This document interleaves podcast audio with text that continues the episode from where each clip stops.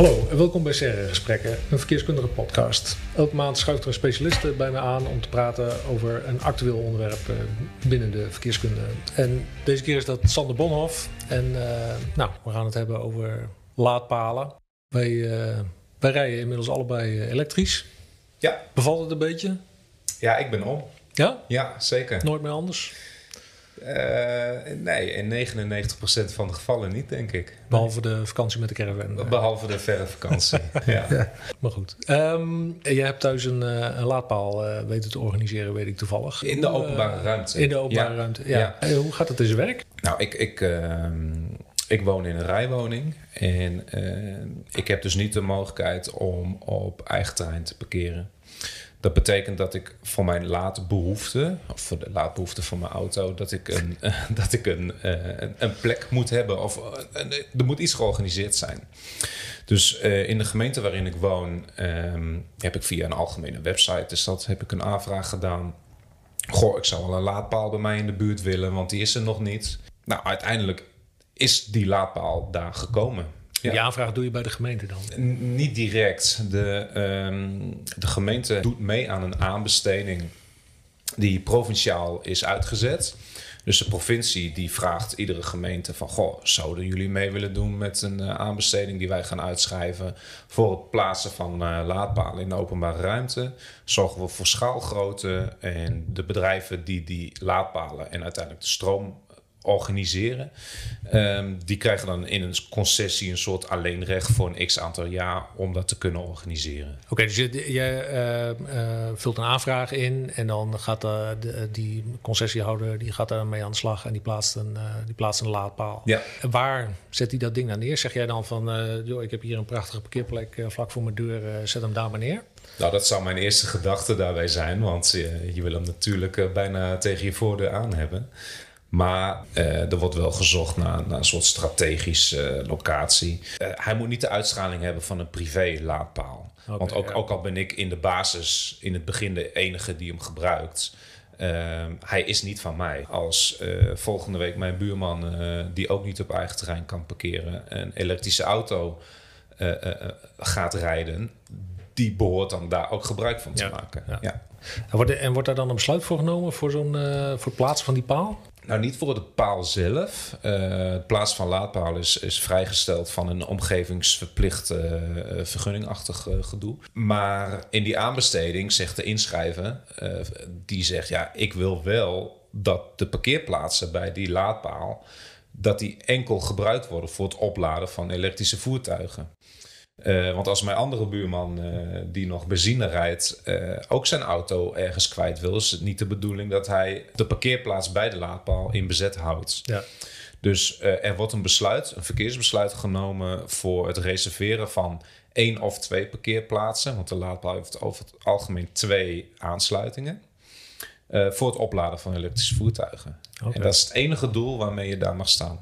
Maar um, oké, okay, dus de, de, uh, er wordt een uh, verkeersbesluit genomen voor het reserveren van die parkeerplaats voor het laden van elektrische, elektrische voertuigen. Dus dat betekent dat het best wel een hele procedure is, zo al met al. Nou ja, en terecht, denk ik. Kun je het ja. niet handiger organiseren? Ja. Die, de, Zoals? De, nou ja, ik heb daar een ander idee bij. Maar er zijn ideeën om, om een soort strategische plankaart te maken. Op basis van de beschikbare data en parameters die er zijn te voorspellen waar laadbehoefte gaat ontstaan. En op voorhand al locaties uh, te prikken waar de laadpaal komt, mocht daar een aanvraag zijn. Tot zover kan ik daar nog alleen meegaan. Maar een stap verder is dat er ook al een verkeersbesluit wordt genomen voor al die beoogde toekomstige locaties. Ja. Dat is handig toch? Dan kun je heel snel reageren. In theorie. Ja, ik geloof daar niet zo in. Ten eerste, het zijn, het zijn beoogde toekomstige locaties. Dat betekent dus, je weet niet zeker of dat überhaupt gaat gebeuren op die plek, op die specifieke parkeerplaats. Dus daar zou je nog heel veel herstelbesluiten moeten nemen. Daarnaast vraag ik mij af of een rechtbank zoiets fair vindt. Je kunt niet zomaar overal uh, tegen in bezwaren. Zo, zo zit ons uh, bestuursrecht een beetje in elkaar. Je moet belanghebbende zijn, mocht je ergens iets van willen vinden. Um, stel, um, is een situatie, ik woon, ik woon ergens in de Dorpstraat. En ehm, in dat grote verkeersbesluit is dan in de Stationsstraat besloten... daar komt eh, volgend jaar een laadpaal als die behoefte ook daadwerkelijk aangetoond wordt. Dan kan ik op dat moment, kan ik als bewoner van de Doopstraat daar niks van vinden. Ik kan er wel wat van vinden, maar juridisch niet, want Nee, ik ben geen je bent niet belanghebbend. Nee. Dan verhuis ik vervolgens eh, naar de Stationsstraat. Mijn buurman eh, gaat elektrisch rijden. En ehm, plots, voor mijn gevoel, staat daar een laadpaal en worden de twee parkeerplaatsen gereserveerd. En dan ben je wel belanghebbend. Dan ben ik belanghebbend, maar er is niets om tegen bezwaar te gaan. Ja. Want het besluit is al vorig jaar genomen. Dat, dat vind ik niet fair. En het, het, het- voor mijn gevoel voldoet dat niet aan behoorlijk bestuur. Nee. Ja, ik, En gaat zou- dat dan mis uiteindelijk? Of? Nou, dat moet zich eerst een keer voordoen. Ja, Ja, precies. Er, komt niet heel, heel snel iets bij de rechter. Het gaat ook een beetje om je gevoel van rechtmatigheid. Ja. En dus zo'n strategische plankaart is fijn hoor. Begrijp me niet verkeerd, want al gebruik je hem maar als soort van richtlijn. Ja. Maar ik vind dat je ook binnen zo'n strategische plankaart moet kunnen afwijken. Dus wees altijd een beetje voorzichtig met het vaststellen van... daar komt over vier jaar een laadpaal. Ja. Want je weet niet hoe over vier jaar eh, de straat bijvoorbeeld is ingericht, hoe de belangen zijn. Ik, ik ben zelf meer, veel meer voorstander van het vraaggericht plaatsen, binnen Ja. voorwaarden uiteraard. En daarmee krijg je dat grid vanzelf wel. ja. Maar goed, dan kost het meer tijd en energie, want dan, is, dan lever je meer maatwerk eigenlijk. Hè? Ja, en, en het is de vraag of het uiteindelijk meer energie kost. Want over het algemeen bij verkeersplannen, even pak ik hem heel groot hoor. Als je vooraf de boel niet goed voorbereidt, heb je achteraf er meer werk aan. Ja. Krijg, krijg je trouwens veel bezwaren op eh, een laadpaalbesluiten? Of ja, ik moet eigenlijk zeggen parkeerplaats. voor- Parkeerplaatsbesluiten. Ja. ten behoeve van de laadpaal. Ehm, dat hangt heel erg van de, ehm, van de stad af.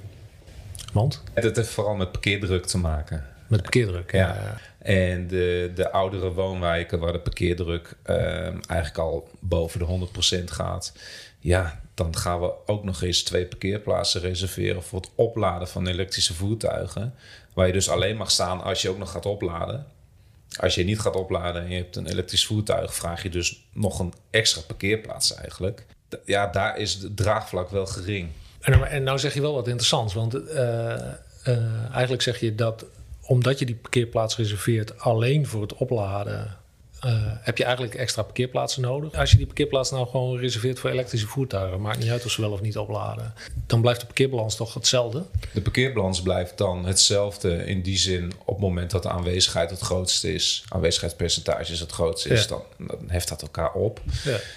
Ehm, ik denk alleen dat de exploitant van de laadpaal daar wat minder vrolijk van wordt en eh, hogere laadprijzen gaat hanteren in een concessie om de boel rond te krijgen, Ja. Om het rendabel te krijgen, de business case.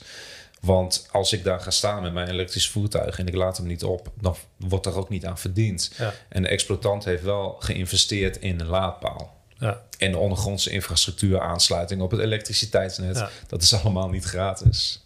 Hoe gaat dat trouwens? Met, met- want het eerst, eh, straks dan eh, rijdt iedereen eh, elektrisch en dan heeft, heeft elke parkeerplaats een, een laadpaal en dan zijn we van dat hele probleem af, of niet? Nou, ik denk dat het, dat het een fasegewijs transitie is naar het elektrisch rijden. En dat voor nu de laadpalen een noodzaak zijn. Ik geloof zelf niet zo in dat iedere twee parkeerplaatsen straks een laadpaal heeft. Ja. Ik voorzie eigenlijk eh, een andere vorm van laden. Je denkt van eh, straks dan eh, kan dat laden zo ontzettend snel dat het niet meer de moeite is om elke parkeerplaats van een laadpaal te voorzien. Dat denk ik. Zonder ge- enige vorm van eh, kennis van hoe, hoe Ja. die tak werkt. Nou ja, maar ik zie het gewoon niet echt voor me. Nee. Nee. Nee. Dus de, de kans dat we eh, ons hele parkeerarsenaal volleggen met laadpalen acht jaar niet zo heel groot. Nee, geloof ik Maar er zit dan wel een groei in. We zijn nog niet klaar. Ik, nee, we, we gaan zeker nog wel meer laadpalen krijgen. En volgens mij is in het klimaatakkoord... eh, wordt ook verwacht dat we 1,8 miljoen laadpalen hebben in twe- 2030. Oké. Dus dat betekent in deze hele transitiefase is dat wel een mooie opgave. Ja. Hoe gaan we daarmee om? Hoe gaan we met dubbelgebruik om? Hè? En, en eh, wellicht komen we ook in een fase dat eh, exploitanten op een gegeven moment een punt bereiken eh, waarin we kun, in de aanbesteding kunnen uitvragen van we gaan de parkeerplaatsen niet meer reserveren. En is, het, is het wagenpark, heeft dat zo'n zo'n balans bereikt dat we dat niet meer specifiek hoeven in te richten.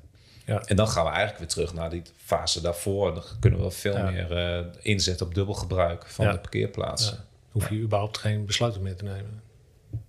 Dat is ook een effect. Ja. Ja, oké. Wat, zou je, wat zou je nu gemeenten adviseren die, bezig, die worstelen met deze hele materie eh, van laadpalen en eh, strategische plankaarten en concessies?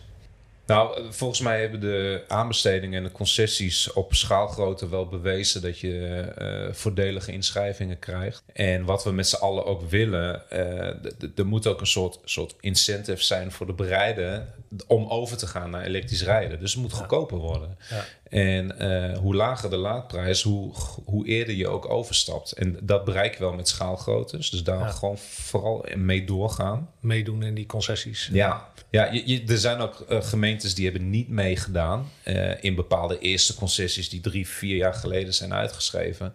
Nou, daar hebben ze achteraf wel spijt van gehad. Ehm, en wees een beetje voorzichtig met het op, op, op vierkante eh, centimeter niveau vaststellen van toekomstige locaties. Ja. Strategische plankaart is handig, maar meer als leidraad Ja. en startpunt Ja. dan om, om vast te stellen en over te besluiten. De optie tot maatwerk houdt dat erin. Ja. Ja. Ehm, over vijf jaar zijn we laadpalen aan het opruimen of is dat eh, te Dat vroeg? is te snel. Dat is te snel. is te snel. Ja. ja, we gaan nog eh, de komende eh, tien jaar sowieso al met laadpalen Ja. door. Nou, ik ben benieuwd hoe dat gaat verlopen. Ja, ik ook. Ik ook. voorlopig ben ik erg blij met het elektrisch rijden. Dus, fijn. ja. Nou, bedankt zover. Graag gedaan. En het is een onderwerp waar we ongetwijfeld ook nog wel weer eens op terug zullen komen. Heel graag.